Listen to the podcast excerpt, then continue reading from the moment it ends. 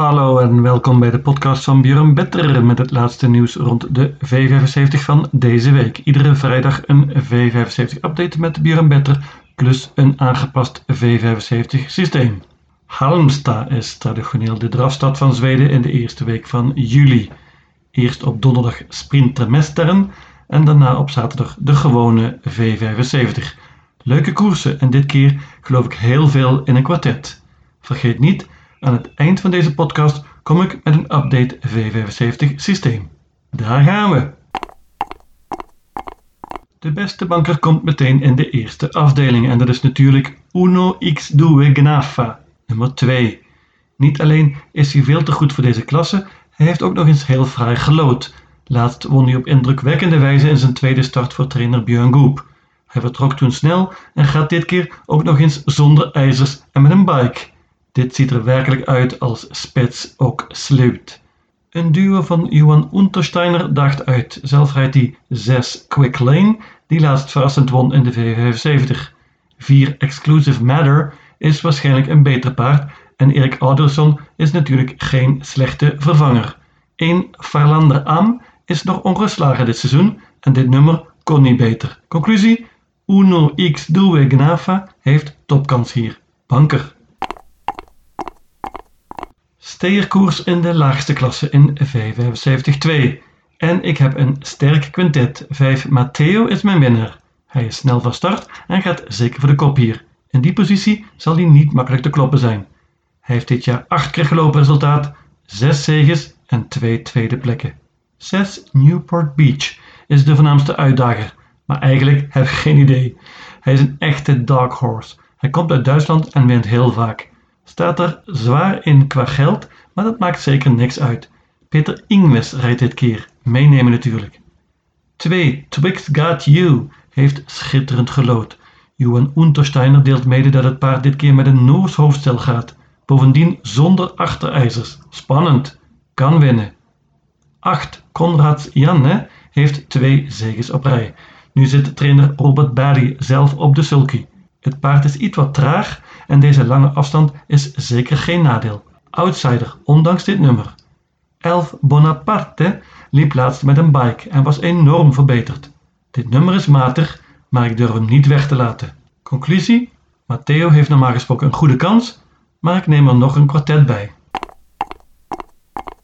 Zilveren divisie in de derde afdeling en na enig wikken en wegen ga ik toch banken. En wel onze eigen vier Gustafsson, getraind door Jeroen Engberda en gereden door Rick Ebbingen.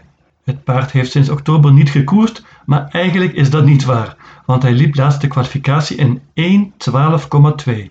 1.12,2 over 2100 meter. Ik kan me eerlijk gezegd niet herinneren dat ik ooit zo'n kwalificatietijd gehoord heb. En dat op Wolverga. Ik ga ervan uit dat de baan van Halmstad sneller is. Het paard is dus prima voorbereid en hij is eerder succesvol geweest in Zweden. Heeft veel beter gelood dan de voornaamste concurrent en we weten dat hij snel kan vertrekken. Only One Winner is ook zeer rap, maar die staat naast hem achter de auto. Rick Ebbingen weet wat hem te doen staat. Als hij de kop pakt, heeft hij topkans. Voornaamste uitdager is Team Man at Work. Die won in het Elite Labs Weekend een zilveren finale op indrukwekkende wijze, maar mag nog steeds in deze klasse lopen. Hij heeft matig gelood, maar kan een hoop zelf doen. Eens Sevilla is ook goed, maar deze piqueur is geen voordeel kan wellicht een mooie race aan de binnenkant krijgen. Conclusie: ik ben chauvinistisch en ga all in op Gustafsson. Merries en leerlingen in V75-4 en het is precies zo verratelijk als het klinkt. In dit soort koersen zijn al vaak grote verrassingen gevallen en dat kan zeker ook hier gebeuren. Ik pak maar liefst 10 paarden. Voor de deurval heb ik een banker en wel 13 Make More Cider. Die heeft veel betere paarden ontmoet dan deze en wordt ook nog eens gereden door een van de beste piqueurs, namelijk Magnus Ayuse. Kan hier zomaar iedereen voorbij vliegen. 2 Bring Me Money heeft vrij gelood en Kevin Oscarsson is een toppertje. 3 Power Vacation en 6 Prinses Cluster worden allebei door Peter Untersteiner getraind. En allebei kwamen ze laatst goed terug naar een galopade.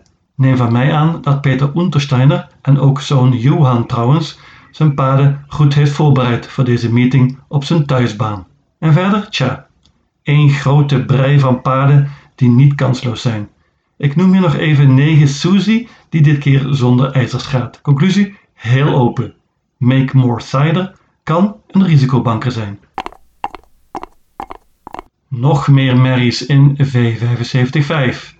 6 Hosiana Buku lijkt groot favoriet te worden en dat is best wel verrassend. Natuurlijk, dit keer zit Björn Goep op de sulky en de kop kunnen ze bijna niet missen hier. Maar het paard sprong afgelopen zaterdag en was toen al geklopt. Op mij maakte ze niet echt een super indruk en deze lange afstand is waarschijnlijk ook geen voordeel. Kan natuurlijk winnen, maar is absoluut te veel gespeeld. 12. Prinses S. Weer is ook veel gespeeld en dat begrijp ik beter. Ze kan echt een hoop en heeft heel veel speed. Maar dit nummer is tricky. Ik ga vol voor 4 Aura SL. Jerry Riordan is heel tevreden met zijn adept die dit keer zonder ijzers gaat. Dat is goed bevallen in de training en we weten allemaal wat Aura SL kan als ze op haar best is. Ze is helaas verre van betrouwbaar, maar als ze op de been blijft, zie ik haar hier iedereen zomaar voorbij vliegen. Holigong Jorma!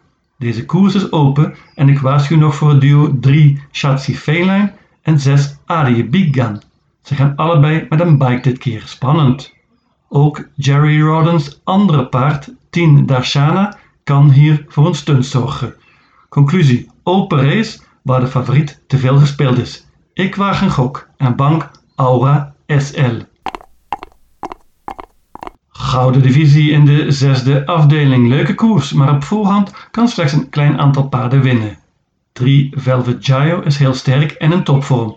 Hij kan een hoop zelf doen en heeft een goede kans hier. 6 Cyber Lane is zeker supergoed voorbereid voor deze race. Is snel van start en de favoriet voor de kop. 8 Milligan's School is een ervaren rot in dit soort races. Normaal gesproken had hij erbij gemoeten, maar dit nummer is vreselijk. Des te beter heeft 2 Very Chronos gelood. Ik heb hem eerder in deze podcast een ADHD-paard genoemd, maar wellicht moet ik mijn mening aan het eind van dit seizoen gaan herzien.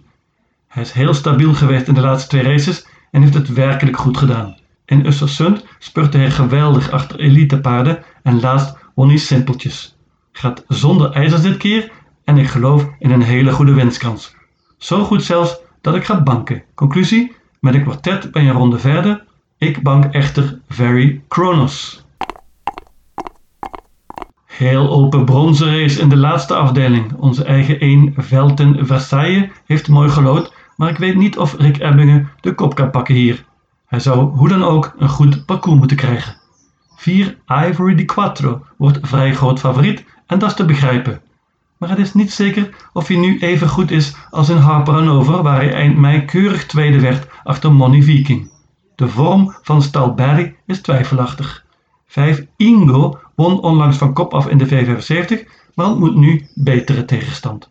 Het krioelt van de outsiders hier. 9 ADS Hoor is totaal vergeten, maar ik herinner me nog enkele sterke optredens aan het begin van het jaar. 10 Tangle Face gaat dit keer zonder ijzers, pas op. 11 Southwind Queen is in hysterische vorm en gaat met een bike nu, hoppa. Conclusie, heel open en ik neem geen risico, ik pak ze alle 12.